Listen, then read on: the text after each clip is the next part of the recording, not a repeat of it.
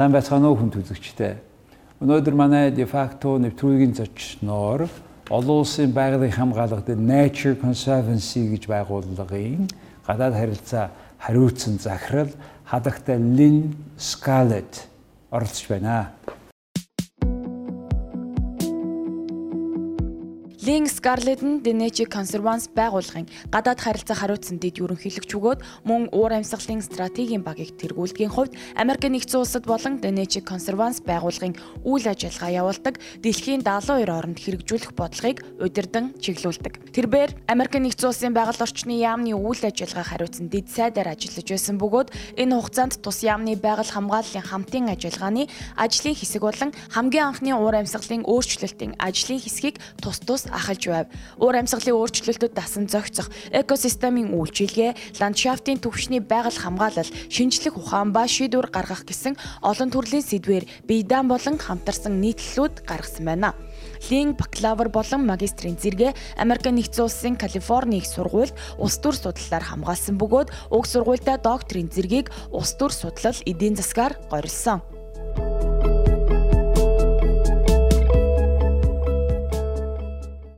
Good afternoon. Good afternoon. Welcome to Mongolia. Thank you very much. You have very important sessions in Mongolia. Yes. Yeah, what is that about? Uh, well, the Nature Conservancy has worked in Mongolia now for 10 years, and we are celebrating our 10th anniversary of conservation success and working with partners, businesses, and others for a sustainable future. You said 10 years of success. Please tell us about the success. The Nature Conservancy uh, has started its work in Mongolia recognizing this is the 19th largest country in the world. Okay. It has some of the most intact grasslands in the world, Uh-huh. at the same time facing lots of development. And that gives the Conservancy and Mongolia a chance to really look to the future and pioneer bringing environment and economy together hmm. and helping development, but at the same time doing that well and right to preserve the grasslands.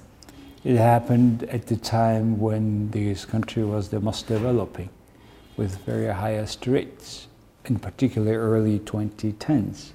But now it's, it's but still it's at the level of five, six, and this is very much mining country, and it's yes huge. So how is that uh, uh, balancing that? Yeah, well, we see environment and economy and the mining economy as being able to work together, but the main uh, underpinning of that is to do large scale spatial planning. So we worked with the government of Mongolia to help map out the whole country, understand where there are important biological species, water, other important assets, and then with that, understand what places to try and set aside as protected areas, and then which places were more suitable for development, working with development um, and miners together then to site their facilities in a way that um, avoids the most uh, important places. I understand you have already successfully completed that planning. Yes. and uh, it is huge work. As you said, it's a large country. How you have completed that? Yes, well, the Nature Conservancy um, benefited from all the work of so many other scientists and other partners. So there was already quite a lot of information on species, on water, uh, a lot of information on where the mining resources were. What we did was to work with those partners and really, for the first time ever, put that all together, mm-hmm. integrate all that into one big map. Mm-hmm. So we were able to work quickly because we worked with partners, with mm-hmm. universities, with others, uh, to build that database. And what is the particular importance of that database and that one map? It's incredibly important because if you look to places like the United States, a hundred years ago, we uh-huh. had no maps like that, and we uh-huh. went about mining and doing that work without any attention to where there were important grasslands or uh, places of great species diversity. And so now, in places like the United States, we're having to clean all that up and try to undo our mistakes. Mm-hmm. Mongolia starts fresh with these great grasslands, and the maps help guide where are places where one can do the mining with less impact, how can one avoid uh, critical um, places where there are species, where there's important water. So that's why the mapping is so important. Okay. And Mongolia and the government have helped lead the way, creating protected areas. Uh, Mongolia is a leader in the world. 17% of Mongolian lands now protected areas, and that's happened alongside mining. So development is occurring, protected areas also being established.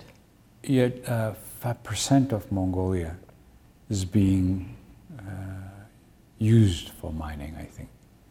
70% of land is protected. Does protected mean that there's no mining? So it depends. You have two kinds of protected areas Uh-huh. in Mongolia. Uh-huh. there are national protected areas, there are local protected areas. Okay. The local ones are set up for a certain period of time, Uh-huh. and then they can be reevaluated in terms of what land uses will occur. Uh-huh. Of course, also those protected areas uh, do allow for sustainable grazing as Uh-huh. well, for example. Mm-hmm. So they're designed to work with development, Mm-hmm. uh, but do it in a way that is sustainable. You have been chief executive officer of a, such a large organization in the U.S. as a Department of Interior, Yes. right? And you are the person who have gone through all this uh, conflicts usually happening with between industry, environment, etc. So, what is the most controversial and most difficult uh, case was during your career? Well, there are a lot. Lots. Yeah, the Department of the Interior manages 20% of the United States. wow. And I used to say when I was at the Interior Department, throw a dart on the map and you find controversy. Uh-huh. But many of the issues are similar to Mongolia. So, Wyoming, for example, went through a period of major energy development. And our challenge at the, at the Department of the Interior was to ask how can we do that better than we did 50 years ago, 100 years ago? So, the Department of the Interior, working with the private sector, working with conservation organizations, uh, did embark on large scale spatial planning, mm-hmm. very similar to the vision here in Mongolia. Mm-hmm. How can we look big picture? Mm-hmm. How can we cluster development, avoid the really sensitive areas? And we find that by doing that, mm-hmm. uh, we can reduce conflict, mm-hmm. have a place for conservation, have development, and the economic opportunities. But the key to success is two things mm-hmm. good science and good collaboration. You said good science and good collaboration. Speaking about that, uh, how is the current Mongolian government is using the map you have made in the process of aggressive expansion of Mongolian mining industry? Yeah, so the Mongolian government has looked at that, that map and sort of a national conservation blueprint, and with that, helped to inform where the protected areas would go, uh, which the uh, Mongolian government then uh, makes the final decisions about. And then, once one has those protected areas, then that opens up opportunity to say, okay, here's where we can have mining development. We, the Nature Conservancy, also have a non traditional approach to conservation. So many organizations in conservation focus just on conservation, Mm-hmm. just on conservation partners. Mm-hmm. We reached out to the mining industry Mm-hmm.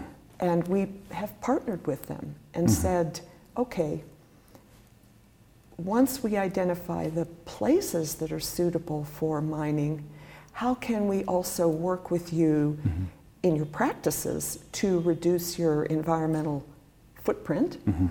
How can we work with you to, um, as you develop, also invest in and kind of offset those impacts? Mhm. So those non-traditional partners bring environment and economy and people, communities together. There are certain conflicts happening in the country. For example, there was a law we called long named law, which is forbidding mining uh, in the water basin. And when the question comes, water or gold, people of course prefer water, like you did during after gold fever in Colorado, in, in Colorado, in California, right? Mm, and uh, still, that law is not being completely implemented. Uh, and still, there are several cases, many cases where not everybody, mine, not every mining company is following that standard, or to help to reduce, as you said, the environmental footprint. What would be your advice? There is also a, we call it, probably you uh, also uh, a way about the ninja mining, artisanal mining. Yes. So, what would be the best to enforce our laws here in this regard? You know, it's, it's complicated, it's difficult. I think there are two key points. One, when we look, let's say, to the United States experience, when we embarked on the gold rush 150 years ago, we paid no attention to water and water quality. Uh-huh. The result of that is we have had to spend billions of dollars in cleanup when people realize water is life, uh, it's better to try and sustain that water quality now rather than face degradation and then those tremendous costs in the future. So, one point is to help people not look just to the now, but see that the future matters. And the future matters not only for environment, but indeed for the economy itself. So that's one point.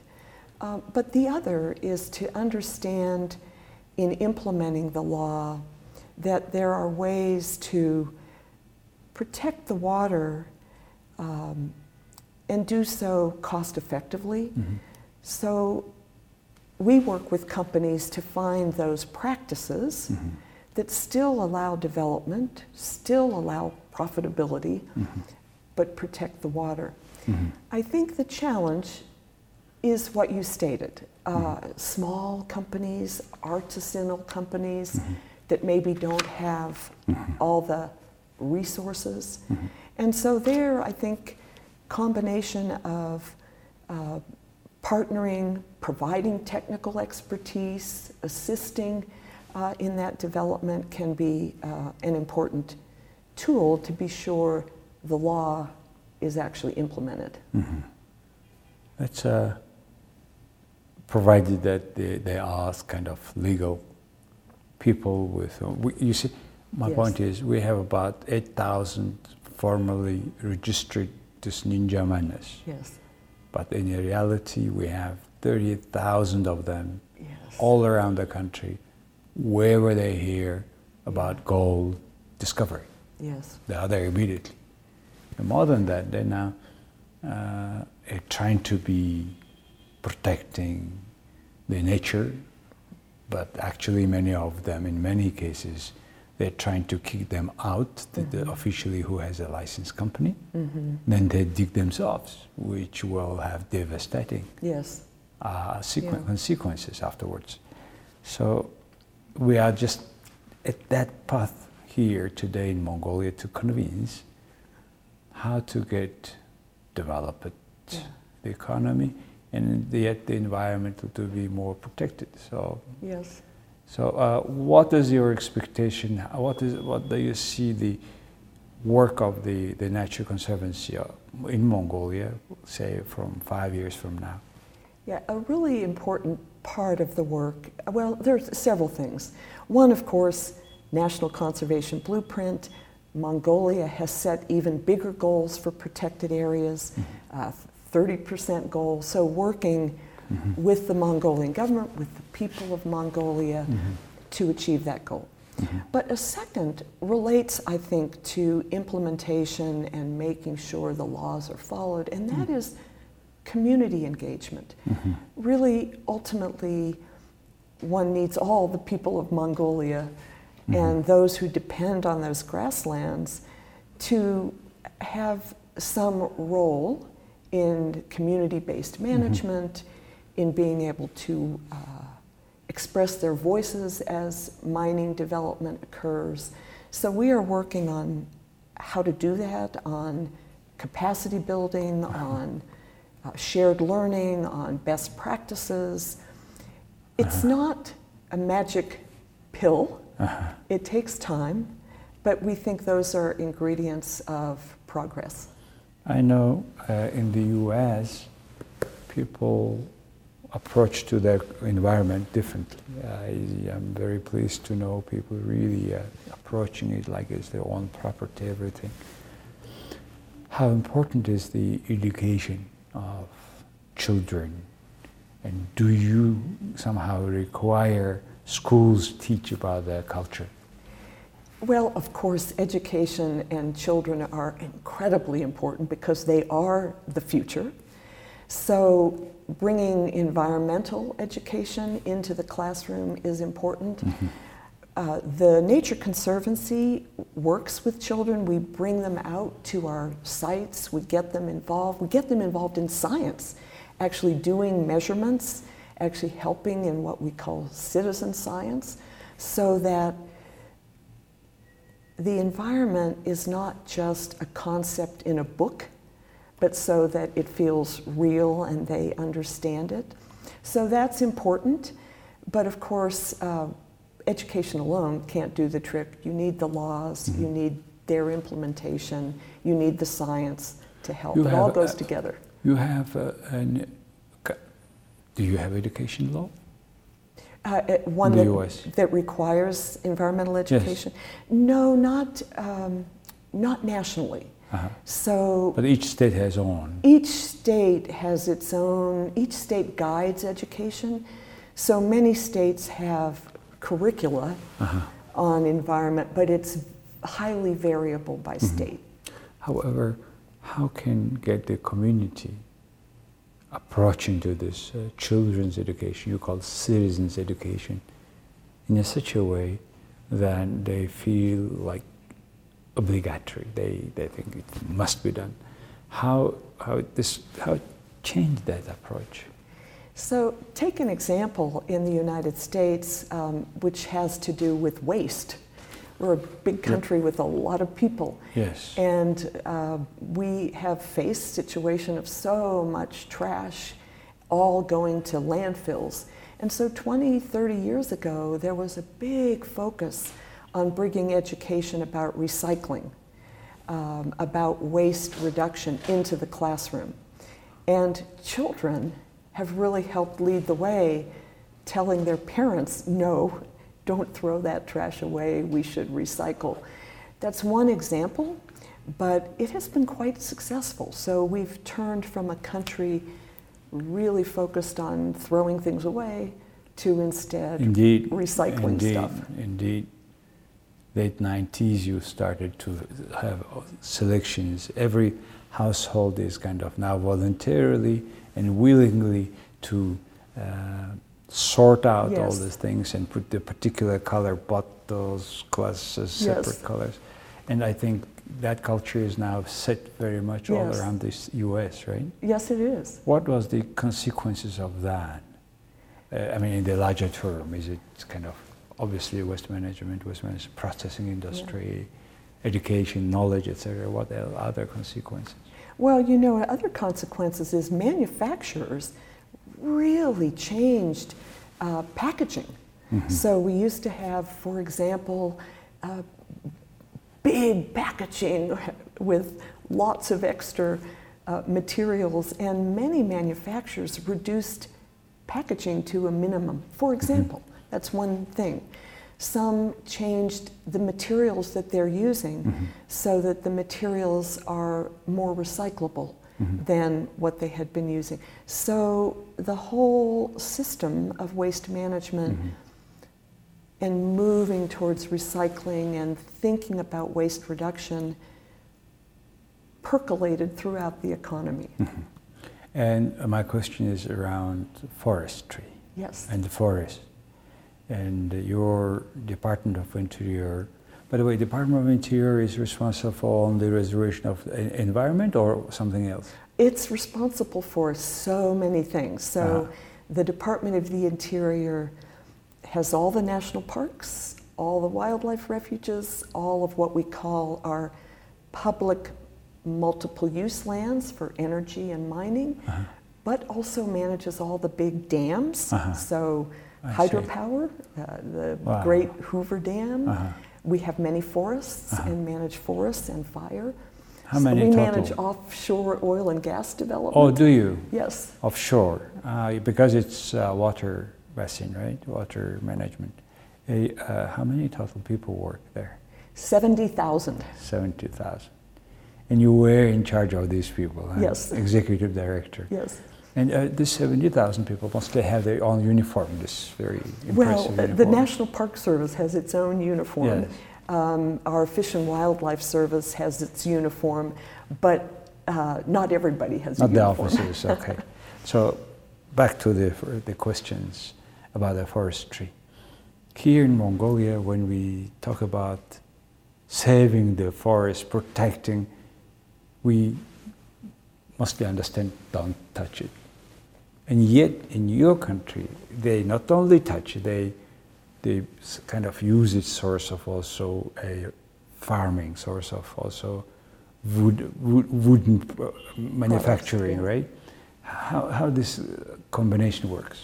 Yeah, you know, it's very similar story to the mining story. So in the past, going back 50, 100 years, the United States uh, managed forests in a way that didn't take into account the future and sustainability, and so chopped everything Chopped, down. uh-huh. But as time went on, realized that that damaged the watersheds. It uh, really uh, imperiled the long-term health of forests, and so many forests now we have sustainable practices where you, yes, still have timber harvest, but selectively, and you keep certain stands of forests mm-hmm. so that it's sustainable over time. Mm-hmm. Mm-hmm. It's really important for two reasons now. One is we now have a better understanding how important forests are for watershed protection to prevent, present, prevent erosion, uh, prevent erosion that results in sediment going into water supplies. But secondly, climate change. uh-huh, We realize forests uh, absorb uh-huh, carbon dioxide. Uh-huh. They are the lungs of the earth. uh-huh. Uh, that they can contribute to Uh-huh. um, reducing or addressing the effects of climate change. So we need to find ways to keep them healthy, Mhm. but we see that as actually uh, requiring some use of the forest because if you can get some income from the forest, then you want to invest back in the forest. So they go together. And yet, uh, the developed countries are doing very well, and the developing countries are still more, they use more damaging rather than uh, using and giving it back to the forest. Uh, uh, they, there is an issue of, there is a new goal, Sustainable Development Goal 2030. You were a part of this, creating all these documents, negotiating uh, worldwide today 2018 how do you see the program You know, the Sustainable Development Goals globally uh, set aspirations, and the results are sort of a mixed bag. So some goals are being achieved. So, for example, goals of protected areas, there's been progress, and Mongolia has been a leader in that. Right.